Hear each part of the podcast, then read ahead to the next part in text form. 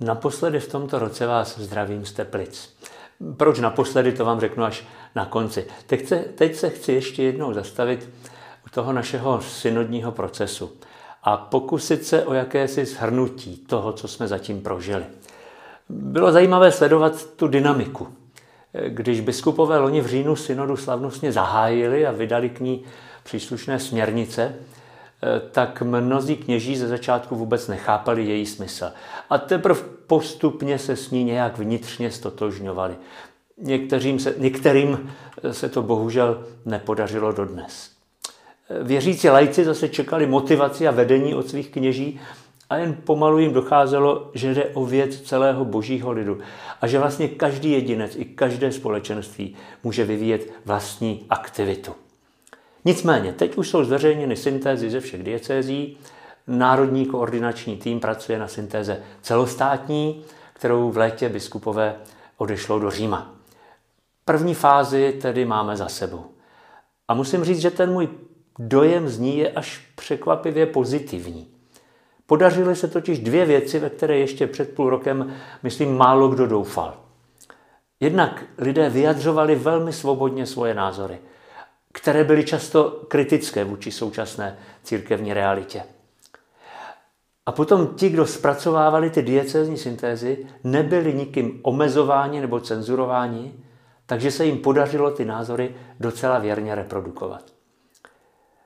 Taky už víme, že se do synodálního procesu zapojilo asi 20 tisíc lidí z jednoho tisíce farností.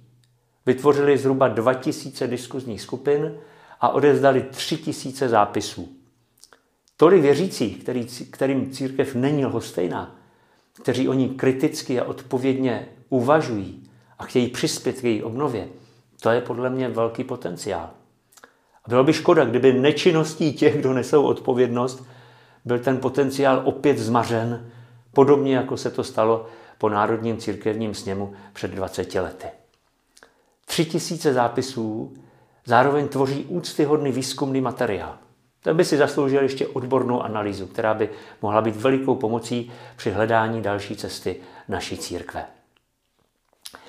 Při srovnání obsahu syntéz z těch jednotlivých diecézí mě překvapila jejich nápadná podobnost. Dá se říct, že závěry, ke kterým se synodální skupiny dopracovaly, jsou na celém území naší republiky v zásadě stejné. Oproti očekávání nenajdeme ani nějak velký rozdíl mezi názory křesťanů v Čechách a na Moravě. Co jsme teda zjistili? Především to, že nejsme jen pasivní stádo, ale tvoříme živou církev. Členové mnoha synodálních skupinek s překvapením konstatovali, že dosud nebyli zvyklí mluvit spolu takhle otevřeně. A těšilo je, že mohli vyjádřit nejenom radost ze své víry a ze svého života v církvi, ale i bolest, kterou církev někdy působí jim samým nebo jiným lidem.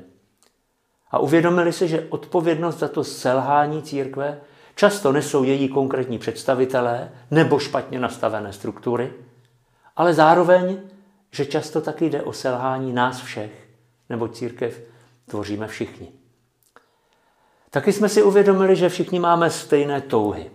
Toužíme po hlubším životě s Bohem, po vytváření harmonického společenství a po předávání evangelia. Tyhle tři touhy jsou vzájemně propojené a často byly eh, v těch zápisech vyjadřovány. Potřeba spirituality je obecným znamením současné doby, kdy se kvůli pandemii, válce a dalším okolnostem hroutí naše zažité jistoty. Očekáváme, že církev nám ty prameny duchovnosti otevře, ale často se místo toho setkáváme spíš s moralismem nebo formalismem. A zároveň cítíme, že bez žitých vztahů, vzájemné lásky, služby, důvěry, zůstává církev jenom institucí a ne živým organismem, tělem Kristovým. Snažíme se takové vztahy vytvářet v našich společenství, v našich farnostech. Někdy se to daří a někdy se to taky nedaří. A konečně toužíme sdílet svou víru s těmi, kdo ji nemají. Toužíme vést dialog s ostatními. Ale zjišťujeme, že většina z nich nerozumí našemu jazyku a nechápe naše argumenty. A tak žijeme v napětí mezi těmi touhami a malou schopností je naplňovat. Třetí věc, kterou jsme o sobě zjistili, je možná klíčem k těm oběma předchozím. Hlavní překážkou k realizaci těch krásných cílů je špatná komunikace v církvi. A zejména mezi lajky a příslušníky kléru. Často jde o příliš autoritativní rozhodování ze strany kněží a biskupů, ale taky o pasivitu ze strany lajků.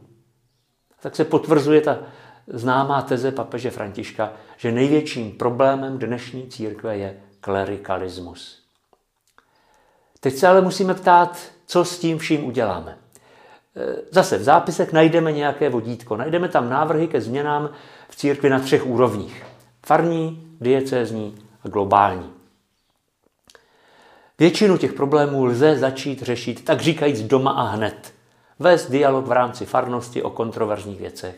Snažit se o lepší komunikaci mezi věřícími a jejich farářem. Zlepšit práci ekonomických a pastoračních rad. Zprůhlednit finanční hospodaření. Zapojit víc lajků, včetně žen, do liturgických a pastoračních služeb. To si všechno věřící, aspoň v některých farnostech, spolu se svým farářem uvědomili a už teď na tom pracují. Další problémy se týkají té úrovně diecézní.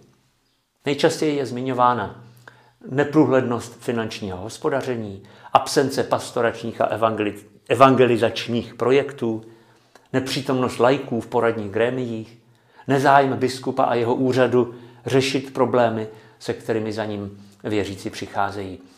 I tyto věci lze řešit hned. Ovšem předpokladem je právě ten zájem ze strany biskupství ale taky aktivní spoluodpovědnost věřících. Pokud by tedy nějaký biskup chtěl strčit závěry synodního procesu do šuplíku a dál se jimi nezabývat, tak by sami věřící měli hledat způsob, jak v tom procesu pokračovat. Spojit se třeba napříč farnostmi, snažit se komunikovat s biskupstvím, přinášet konkrétní návrhy, vytvářet nějaký rozumný tlak na to, aby se věci opravdu řešily. To je teprve ta skutečná synodalita nejenom spolu mluvit, ale taky společně jednat. K tomu bych připomněl článek 212 ze současného platného kodexu kanonického práva, eh, na který se často zapomíná. A tam se přímo říká, že křesťané mají právo, dokonce někdy i povinnost podle svých znalostí, příslušnosti a postavení sdělit pastýřům církve své mínění o věcech týkajících se prospěchu církve a při zachování neporušenosti víry a mravů a úcty vůči pastýřům s ohledem na obecný prospěch a na důstojnost osob, mají právo s tímto míněním seznámit ostatní věřící. Tak tohle říká platné kanonické právo. Pak jsou některé návrhy z těch synodálních diskuzí, které je potřeba řešit na úrovni celocírkevní. Nejčastěji se mluví o formaci a způsobu života kněží, včetně návrhu na zrušení Eh, povinnosti celibátu. Pak o postavení žen v církvi, o jejich začlenění do rozhodovacích pozic, včetně diskuze o přístupu ke svěcení. Dalším tématem je neprůhledný proces jmenování biskupů, bez možnosti věřící se k němu vyjádřit. A snad nejpalčivější a nejčastěji zmiňovaný problém, vstřícnější pastorační přístup k těm, kdo žijí v církevně na regulárních stazích, včetně možnosti přijímat svátosti tak vidíme, že synodální proces vynesl na světlo problémy, které trápí církev už desítky let. A tím, že se o nich začalo mluvit, se zároveň otvírá cesta k jejich řešení.